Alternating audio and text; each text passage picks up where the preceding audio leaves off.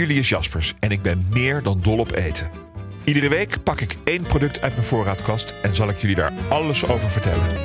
Vandaag is dat ananas. Ik wil het voor eens en altijd duidelijk maken. Ik woon niet in een ananas diep in de zee. Ondanks dat ik heerlijke krabburgers kan maken. Ik hou wel van ananas trouwens. Ik ben er zelfs dol op. Verse ananas. Nooit uit blik. Geflambeerd, gebakken, verwerkt in een taart of een cake. Of gewoon lekker rauw, net gesneden en super juicy. Ik laat me niet snel uit over gevoelige maatschappelijke kwesties. Maar voor één keer voel ik me toch genoodzaakt om een stelling in te nemen. Ananas hoort niet op een pizza. Bestel liever een pina colada lekker op het strand met zo'n olijk parapluutje. Ook een lekker nummer trouwens. If you like pina colada. Anders dan de pizza Hawaii doet vermoeden, komt de ananas van origine uit Brazilië, Bolivia en Paraguay. Het woord ananas komt van de Tupi-Indianen en betekent uitmuntende vrucht. De rest van de wereld noemt de ananas een variatie op piña, zoals pineapple. Dit komt door de Spaanse ontdekkingsreizigers die de vrucht vonden lijken op een dennenappel. In the old days in Caribisch gebied was de ananas het teken van gastvrijheid. Als je daar een ananas bij de voordeur of zelfs bij de ingang van het dorp zag staan, wist je dat je welkom was. Dat lieten de kolonisten zich geen twee keer zeggen. Ze maakten dankbaar gebruik van die gastvrijheid en namen de ananas mee naar Europa. Eenmaal daar aangekomen werd de vrucht met bladerkroon de koning van de vruchten. De wonderlijke zoete vrucht werd populair onder de adel en gegoede burgerij. Er was alleen één probleem. Een ananasplant produceert maar één vrucht en dit duurt een paar jaar. Daarnaast wilde de plant niet groeien in het Europese klimaat en bedierf tijdens de lange overtocht vanuit Amerika. Hierdoor kostte één ananas, omgerekend naar tegenwoordige standaard, rond de 8000 euro. En 8000 euro ga je natuurlijk niet opeten. De ananas werd vooral een statussymbool. Iets om de show mee te stelen tijdens feestjes. Je kon zelfs een dag een ananas huren om op straat te laten zien hoe gaaf je was. Toch liever dat in de binnenstad dan die hard optrekkende Mercedesen. Zoals iedere week is er weer een hamvraag die niet over ham gaat. De vraag deze week komt weer van Peter Celi Boogsma. Ik denk dat zij een van de grootste fans is van onze podcast. Beste Julius, ik ben, as we speak, verdwaald in een oerwoud. Ik zie overal ananassen staan en ik heb berenhonger. Maar ik heb niets bij me om ze te bewerken. Geen mes, no nothing. Hoe pak ik dat aan? Nou, Peter Celi, dat is heel erg makkelijk.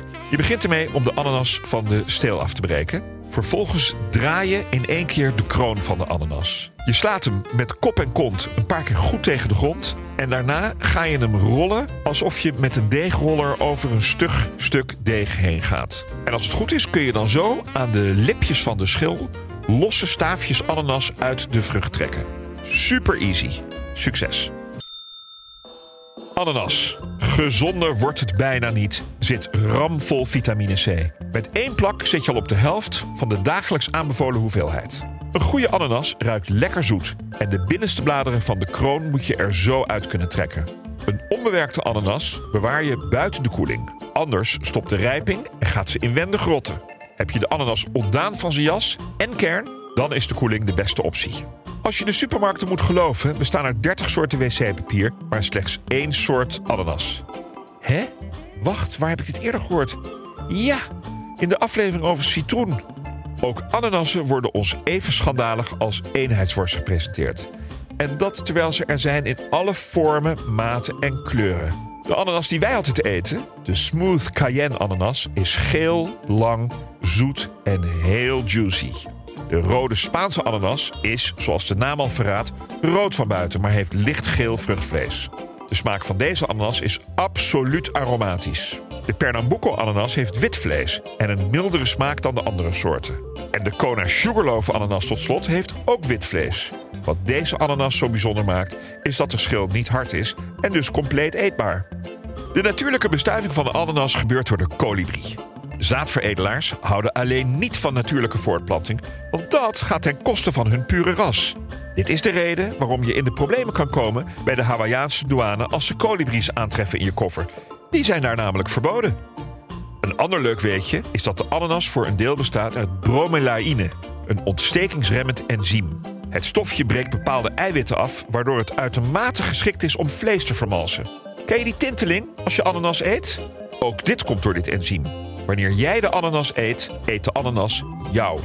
Het lastige van bromelaïne is dat het naast jou en je vlees ook gelatine afbreekt. Mocht je een keer een ananaspudding willen maken, is dit van verse ananas onbegonnen werk.